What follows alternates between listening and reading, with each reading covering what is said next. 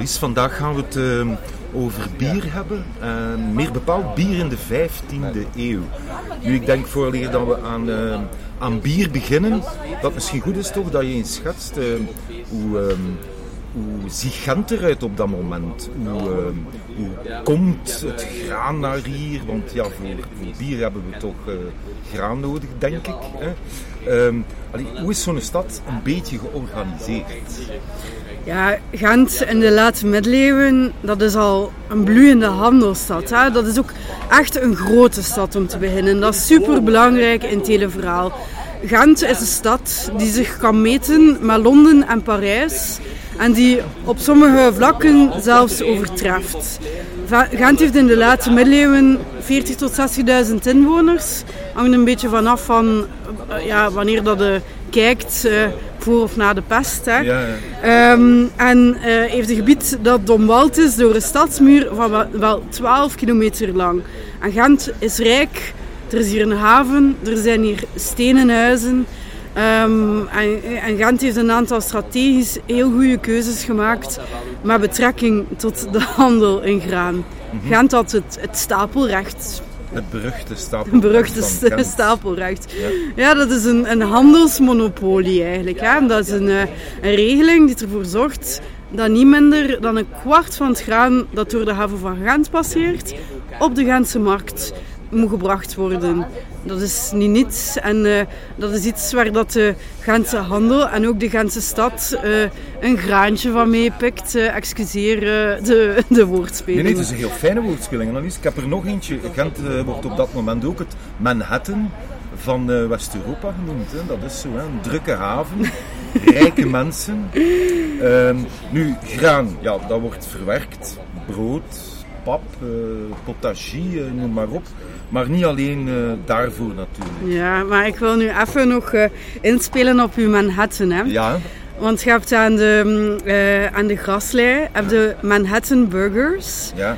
Je moet in mijn eh, ogen niet voor de burgers naar daar gaan, maar dat gebouw is fantastisch. Korenstapelhuis. Ja, ja um, dus ja, de naam zegt het zelf. Daar werd het koren opgeslagen, het werd uitgeladen, gemeten, want er is daar ook een korenmetershuis. En het werd opgeslagen in het korenstapelhuis. En het uh, gewelf, het houten gewelf, is nog bewaard geble gebleven. Ja, en belangrijk misschien nog om te zeggen, voordat we ons dan gaan focussen op wat er nog met graan kan uh, gebeuren. Uh, het was niet het enige korenstapelhuis in Gent op dat moment. Hè. Er waren heel wat korenstapelhuizen. Weinige mensen weten bijvoorbeeld dat een beetje ver, als je een beetje verder wandelt, kom je aan het Spijker. Mm -hmm. Het Spijker was eigenlijk ook een korenstapelhuis. Mm -hmm. De naam het Spijker komt ook van spicare, van korenhal. Okay, ja. Dus uh, Gent was eigenlijk, uh, ja, als wij daar nu staan kijken met uh, bewondering voor de geschiedenis in onze ogen, eigenlijk, een beetje oneerbiedig gezegd, staan we op middeleeuwse magazijnen te kijken. Ja, je zou dat ook allemaal kunnen benoemen in termen van um, ja, brutaal marktkapitalisme. Hè? Ja. Goed, wel Annelies, we stappen binnen in zo'n stapel. trouwens, beste luisteraars, we doen dat helemaal niet van even meegeven wij zijn zo gelukkig. Wij zitten op een terras van de Bal Fernal. Een cafeetje op uh, de vrijdagmarkt met een fris glas bier bij ons. Maar Annelies, virtueel stappen we binnen in zo'n koorstapelhuis. De bakkers zijn al geweest, die zijn hun graan komen halen. Weet ik veel wie is al geweest. Maar ik denk dan, daar komt een brouwer. Ja, ja, um, en een brouwer die gaat uh, garst meenemen. En um, ja, bier heeft een zeer, zeer lange geschiedenis. Er uh, wordt in het uh, nabije Oosten al bier gebrouwen. De Romeinen hadden zo'n soort heel donker, um, ja, gebrand bier. Ik ben nu zelf een gildenbierke aan het drinken. Het zal ook een beetje... gebrand uit, ja. Ja, ja, ja, maar zo onstabiel schuim dat eigenlijk snel weg is. En dat is ook wel ja, iets wat dat het, het historische bier typeert. Dat een minder goede schuim krijgt dan wat we gewoon zijn. Maar die een brouwer gaat garst gewild hebben. Die gaat in een garst laten kiemen. Daardoor komt er suiker vrij. Ja. En in de suiker dat kun je omzetten in, uh, uh, in uh, alcohol en koolzuur. Dus het procedé is nog min of meer hetzelfde in de grote lijnen. Maar natuurlijk is dat middeleeuws bier zeer verschillend van bier wat dat we nu kennen. Zo, als je kijkt, middeleeuws bier, historisch bier, want je zegt ja, bier bestaat eigenlijk al heel lang. En ik herinner mij zo uit de, de geschiedenislesjes in de, in de lagere school dat zelfs de oude Belgen al uh, een soort bier dronken. Uh, qua smaak, zouden wij, zouden wij dat nog herkennen? Ik denk dat dat een vrij moeilijke is voor ons, want wij zijn nu totaal gewend aan de smaak van hoppig bier. Hop wordt uh, um, aan het brouwsel toegevoegd omwille van de bewaring. Maar hop is een vrij late uitvinding. Dat begint in de 15e eeuw, maar duurt tot de ja, 18e en 19e eeuw tot alle brouwers alleen maar hop werken. Daarvoor werd er gruut of gruit gebruikt. Dat is een kruidenmengeling. Werd dat overal gebruikt, dat gruit? Of is dat typisch iets voor, uh, laten we zeggen, Vlaanderen of uh, wat ruimer? Vlaanderen, West-Europa, um, dat is wel ja, typisch voor, voor die regio. En gruit, dat, ja, dat is een, een benoeming voor een kruidenmengsel? Ja, een geheim kruidenmengsel. Want gruit... zegt, ze met pretlichtjes in haar ogen alsof ze een oude heks is. die, die, weet wat er in het kruidenmengsel zit. Och, ik zou dat graag weten. Want het probleem is een beetje dat we het niet weten. Ah, vertel. Um, we weten in grote lijnen dat er moerasroosmarijn, gagel, um, laurierbes ingezeten moet hebben. Maar wat dat er juist in zat, werd geheim gehouden door de mensen die het, het, het gruit recht hadden. Het recht om die mengeling te verkopen. En het was natuurlijk heel interessant voor hen om, om dat geheim goed bij hun te houden. Anders zou iedereen gruit beginnen publiceren, uh, uh, verkopen.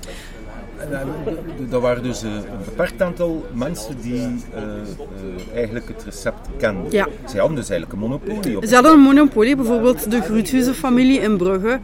Als je naar het Groethuizen Museum gaat, dan ga je zien dat dat een, een super mooi huis is. Hè. Dat, dat, is dat legde geen windeieren. Hè. Een uh, groot business. Eventjes toch een Gentse link leggen we zitten hier op de vrijdagmarkt en dan kijk je zo recht op het uh, socialistische werknemersvereniging Moison, het uh, grote gebouw daar.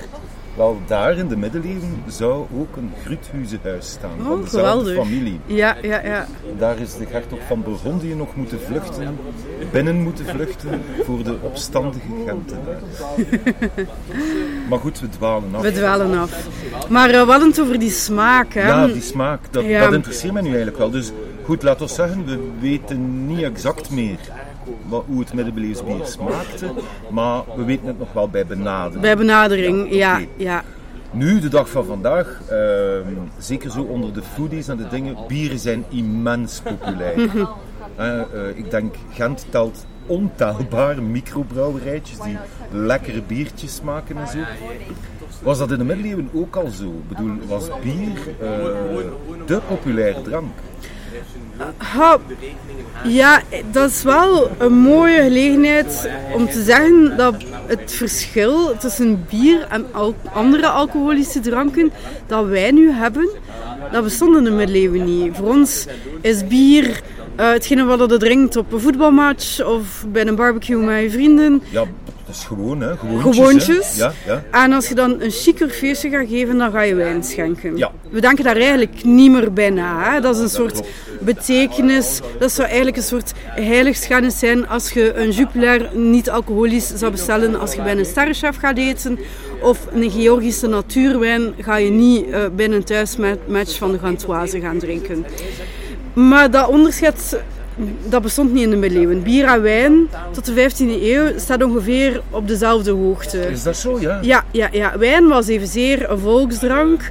Um, er werd in de middeleeuwen superveel gedronken. Um, er zijn consumptiecijfers bekend in de richting van 200 liter bier per persoon gemiddeld per dag, plus 44 liter wijn. Um, sorry, 200 liter bier per jaar natuurlijk. Ik ging, uh, ik ja, ging ja, even ja, tussenkomen, dan liefst 200 liter bier per dag per persoon. Nee, nee, nee, nee, Ik ging al zeggen, Gent moet uh, zijn naam veranderen in het uh, middeleeuws zat, zattenparadijs. Maar dat was het wel voor een stuk hoor, want 200 liter eh, bier per jaar plus 44 liter wijn. Is dat, omgerekend? Ja. Dat is ongeveer twee pintjes per dag per persoon en een fles wijn per week. En dat is enkel de verkochte productie. Daar zit het thuisbrouwen niet in, daar zit het kleinbier niet in, dat de werknemers ter beschikking stelden voor mensen op de werkvloer. Daar zaten de, uh, uh, de verkoop van de illegale wijnkelders in de kloosters, die zaten daar ook allemaal niet in. En dat is ook berekend op de volledige stadsbevolking, mannen, vrouwen, kinderen. Dus ja, het, het zal wel meer geweest zijn. En ja, wat wij denken aan drankmisbruik, en alcoholisme, dat begrip bestond niet. Alcohol was een veilige drank, want het was gemaakt van zuiver water. En het was een goede bron van calorieën. Een glazen boterham. Een glazen boterham. En uh, verbeter mij als ik zou fout zijn, maar het uh, bier had in de middeleeuwen ook vaker een lager uh, alcoholpercentage. Hè? Ja, ja, maar je hebt ook wel uitschieters. Hè. Je hebt uh, bieren die, die ook wel wat zwaarder zijn. En je ziet ook heel specifiek voor Gent dat er eigenlijk, en dat is dan in de 16e eeuw, een soort probleem komt met het, het kleinbier en het dobbelbier, de twee soorten die op de markt zijn. Nou, daar ga ik je wat meer uitleg moeten aan geven dan die kleinbier en dobbelbier. Ja, dat is eigenlijk een, een, een waterig bier en een straffer bier. Okay. En dobbelbier was dubbel zo duur als het klein bier. Maar um, de 16e eeuw is een periode ja, van crisis en klimaatverandering. en de brouwers beginnen altijd minder graan te gebruiken in een brouwsel. En um, ze gaan er ook, dat gaat tot gevolg hebben dat er minder alcohol in je bier zit. En uh, de consumenten zijn niet meer blij. De consumenten vragen naar straffer bier, beter bier. En dat gaat wel op de markt komen, maar dat gaat altijd een beetje duurder zijn.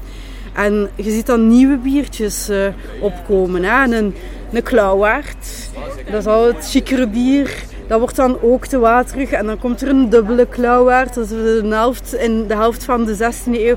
En uiteindelijk komt er dan nog um, een um, duurder en kwaliteitsvoller bier en dat is dan de Dusselaar.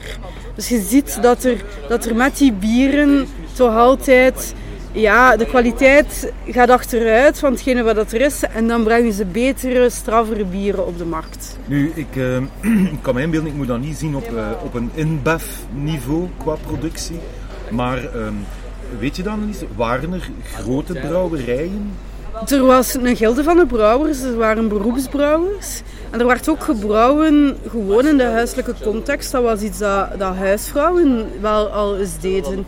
En de Gentse kloosters die hadden allemaal ook een eigen brouwerij. Die was meestal ofwel in hetzelfde lokaal ofwel juist naast de bakkerij. Want de brouwerij en de bakkerij die hebben allemaal alle twee... Een, dezelfde producten nodig. Dezelfde producten en alle twee ook een warmtebron. Hè. Dus je kunt die brouwsel op laten warmen op, op, op de restwarmte van, van de oven van je brood. Nu, dat, uh, dat huisbrouwen, dat interesseert mij wel, want allee, wij zouden dan kunnen gaan denken zo van, uh, goh, wij in, in 2021, wat zijn wij toch innovatief met onze microbrouwerijtjes en zo. Maar dus blijkbaar de middeleeuwse huisvrouw, uh, ja, die had ook haar eigen microbrouwerij. Ja, die komt hè. En er zijn daar ook um, recepten en werkwijzen voor bepaald. Wel niet voor de Nederlanden. Maar um, in Engeland um, heb je vanaf de 16e, 17e eeuw heb je gewoon handboeken voor alcoholproductie op het niveau van het huishouden. En alles is kleiner, hè? ook de, de winkels waar je bier kon gaan kopen. Uh, je pakte dan je, um, je stoop of je pot of je pint mee. Dat zijn inhoudsmaten. En dan ging je, um, dan ging je in zo'n winkel ging je, uh, ging je bier kopen.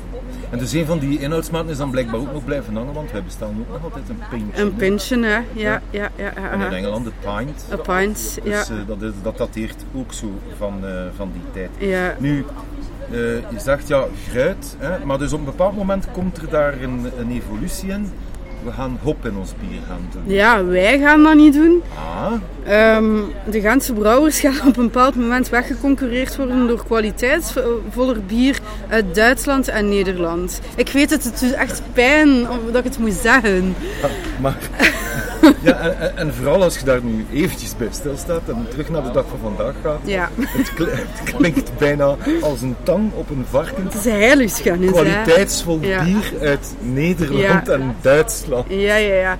Want dus daar had men ontdekt dat um, hopbrouwen best wel voordelen heeft. Hop heeft een betere, um, uh, gaat ervoor zorgen dat je brouwsel en je bier langer bewaart. Ja. Waardoor dat ook verder getransporteerd uh, kan worden. En uh, de productie is ook iets goedkoper. Dus er komt beter bier op de markt dat nog een keer goedkoper is. Het heet kuit- of keitbier. Um, het wordt gebrouwen in, in Haarlem en in Gouda. Ja, het smaakt ook anders dan vermoed ik, want die hop die zorgt toch voor een zekere bitterheid in het bier, nee? Ja, ja die hop die zorgt voor bier dat, er, uh, dat meer lijkt op hedendaags bier. Hè. Wij zijn super hard de smaak van hoppig bier gewoon. Dus uh, ik ben gewoon maar... Uh, de, is middeleeuws bier, kruidbier, is dat zoeter dan hopbier? Allee, zoet is misschien het verkeerde woord, maar...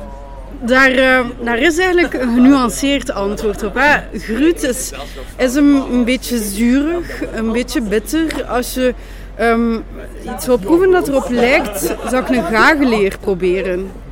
Um, want gagel is zo een van die kruiden die in, in gruut zit. En gageleer, dat is nu gewoon op de markt. Ik vind dat een heel lekker biertje.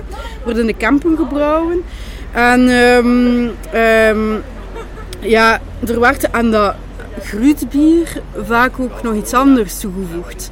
Daar kon salie of gember um, aan toegevoegd worden, gewoon voor de smaak, om er nog een extra smaakje bij te geven. Klinkt wel lekker. Ja, ja, ja, ja dat, dat klinkt zo'n beetje... In, in witte bieren doen ze dat ook soms, hè, om daar citrus bijvoorbeeld... Ja, ja. Ja, ja, ja.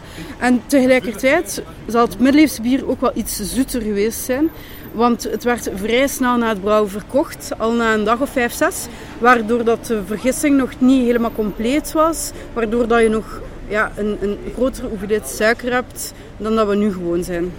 Dus die, uh, goed, en dan komt de hop bij het bier en wij gaan dat dus in eerste instantie gaan inslaan in, uh, voilà. in Nederland. En Duitsland. En Duitsland.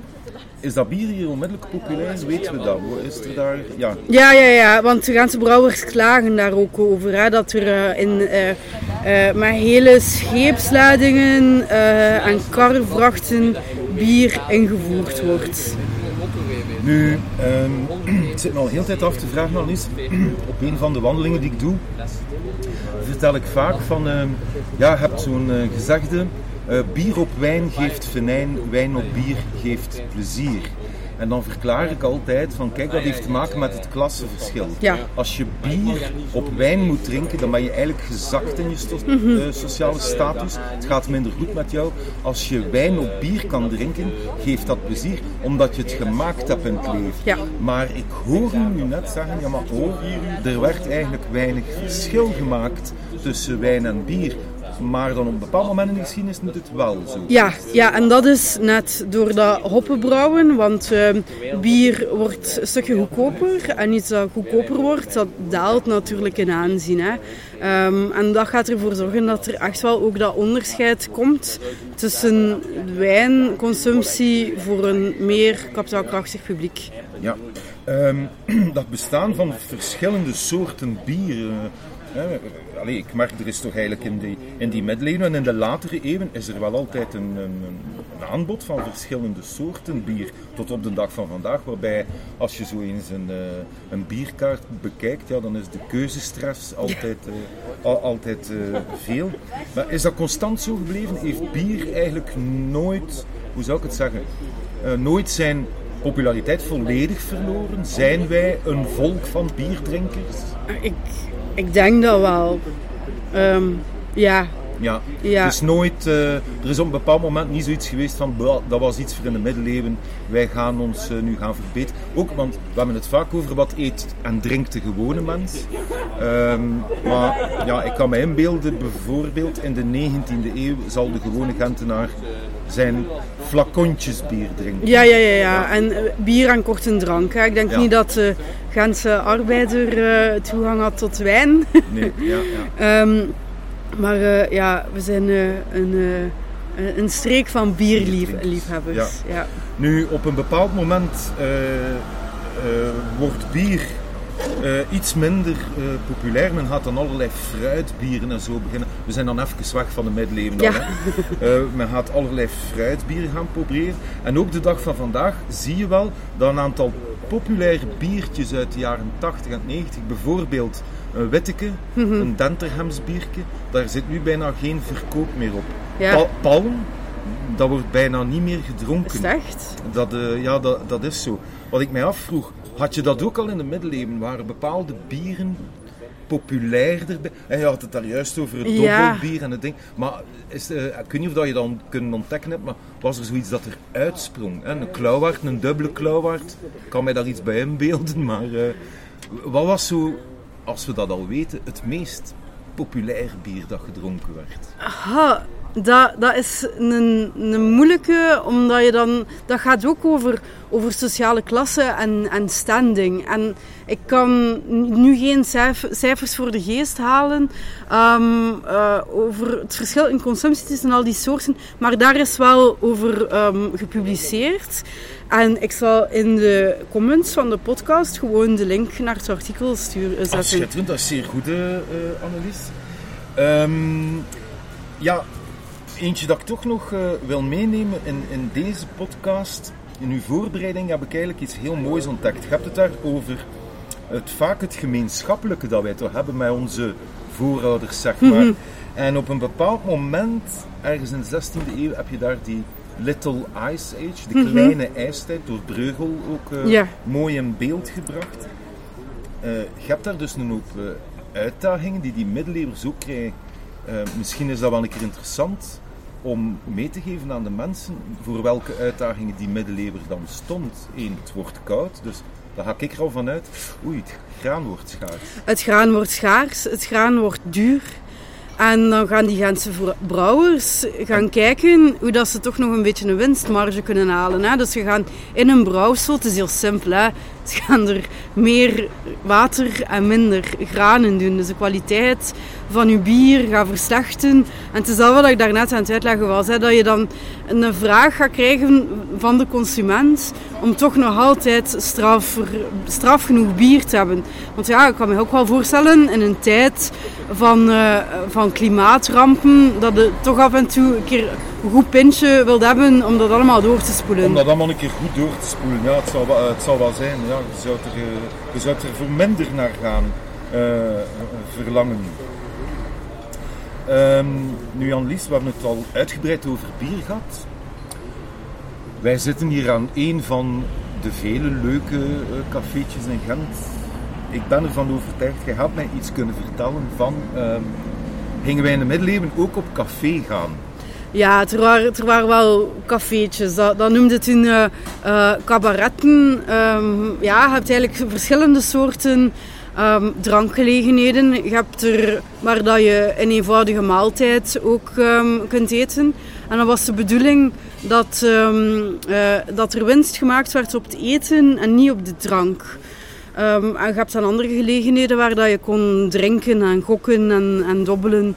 En een van de oudste um, cafeetjes in Gent uh, is... Zeg, zeg, mij niet dat het de naam nog weet. De tinnenpot, joh. De tinnenpot? Ja, dat is een cafeetje. Ja, een, een tinnenpot om, om bier uit te drinken. Uh. Maar dus nu de theaterzaal... Uh, ja, ja, ja, ja. Het is...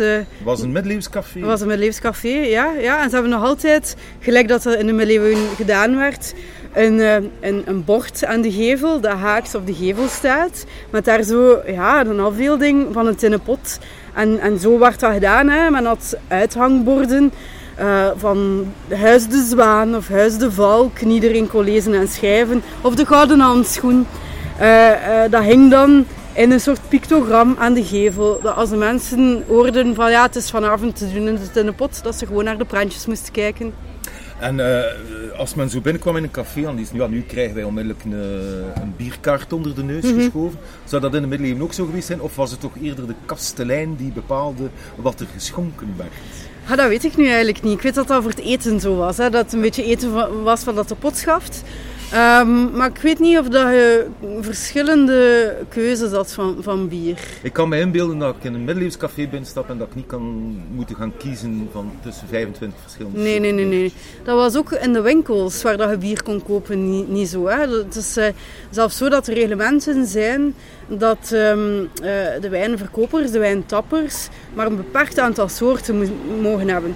En dit om misbruik te gaan voorkomen. Want anders in, zo, ja, in die vaten uh, waarin dat bier opgeslagen werd, um, kon er al een keer te snel gefoefeld worden en een beetje van het goedkoper bier bij het duurder bier zou, zou gieten, om dan er uw klant op te leggen.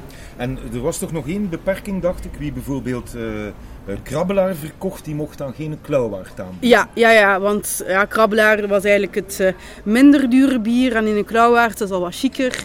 Um, dus die werden uit elkaar gehouden. Wie, uh, weet je dat? Wie controleerde dat? Waren er, uh, was er bierinspecteurs? ik weet niet hoe dat, dat voor, voor het bier was, maar ik weet wel dat er, er zijn um, voor, voor het, de verkoop van wijn zijn er wel controleurs. Echt, uh... Ja, ja, ja de, de wijnmeters die, scho- die erop moeten toezien dat iedereen zijn volume krijgt waar dat hij voor betaald wordt. En als zo'n wijnmeter op uh, fraude betrapt werd, dan moest hij elke dag um, met een half kaal geschoren hoofd um, twee keer um, tussen de wijnmarkt en het stadhuis lopen. En dit 40 dagen lang. Zonder hoofdtekst. Zodat iedereen goed kon zien dat het een uh, schoemelaar was. Dus men zal ook op die bierverkopers goed toegezien hebben. De middeleeuwers waren ook ongelooflijk creatief en straf. Ja, ja. Ik herinner me uit een vorige podcast dat je vertelde dat een beenhouwer die betrapt werd om uh, rood vlees te kopen, dat hij ook zo een of andere fijne straf ja, ja, ja, die moest in de rook van zijn brandend rottend vlees zitten. Maar dat was in Londen en niet ja, in Gent. Ja. Uh, ook van een schoontje. Als trippelt in Londen. Ja. Um, Annelies, um, misschien dat we onze podcast uh, kunnen eindigen. Uiteindelijk, jij blijft mijn favoriete foodhistorica. Heb je geen receptje uh, met bier voor ons? Ja, ja, het zijn er wel weinig recepten met bier. Um, je veel meer recepten, middeleeuwsrecepten met wijn, maar er, er bestaan er. Je hebt een, een, recept voor een biersoepje voor, uh, voor zieke mensen, het begin van de 16e eeuw, met eieren, bloem en bier. En daar wordt er gewoon bij gezegd dat je er zoveel bier in moet doen totdat het genoeg is. Fantastisch uh, culinair advies. Ja. En dan, dat is een verdovend gegeven. En ja, oh ja, als je ziek bent, dan moet je toch, uh, toch, ja. ja. we moeten het toch aangenamer maken. Hè? En dan zit er bier in visworst met peperkoek, in gestoofde garnalen met selder en in perenmoes. Maar mijn favoriet receptje is uh, een combinatie van uh, uh, zalm met gestoofde appels, waar dat er een zoeter bier aan toegevoegd moet worden, waarin dat recept staat dat dat bier niet naar hop mag smaken. Ah, ja, ja, ja. Dus zo'n groeitbier. En eigenlijk is, um, is zalm met iets zoet van bijgerecht echt wel lekker. Je moet dat een keer proberen, dat wordt onderschat, dat wordt ook niet zoveel meer gedaan. Mm -hmm. um, maar... Kun je ons een biertje aanraden om daarbij te doen? Uh... Ah, wel, als je er ooit aan geraakt, een uh, Tuborg Julebrich, een, um, een Deens biertje. Um, je kunt het ook met een gewone kriek doen, dat vind ik ook wel een goede combinatie. Ja. Maar die doen uh, dat um, Deens kaarsbier. Um, dat is echt zo een, een feestelijk bier, maar zo die middeleeuwse kaneelachtige, kruidnagelachtige toets. Dat is iets dat mij toch inderdaad uh, bijblijft, dat ik al geleerd heb van u. Dat is als je zo de geschiedenis van eten en drinken bekijkt, dat is dat is eigenlijk een verbreding van uw smaakpalet. Hè. Voilà. Wij, wij, wij, hebben een, andere, een heel ander dessert moeten zoet zijn. Ja. Uh, eet, uh, hoofdmaaltijden zijn niet zoet. In het middeleeuwen is dat totaal anders. Ja, het is gelijk dat bier. Uh, dat verschilt tussen bier en wijn. Hè. En dat is het leuke. Eigenlijk is culinaire geschiedenis zo een reis in een vreemd continent. Waar dat alles van gewoontes en betekenissen van eten ook een beetje anders zijn. En dat is wat het zo leuk maakt. Kijk Annelies, en op deze uh, leuke woorden zou ik voorstellen dat we onze podcast over bier uh, afsluiten. Uh, volgens mij weer een heel interessant podcastje die we gemaakt hebben, beste luisteraars.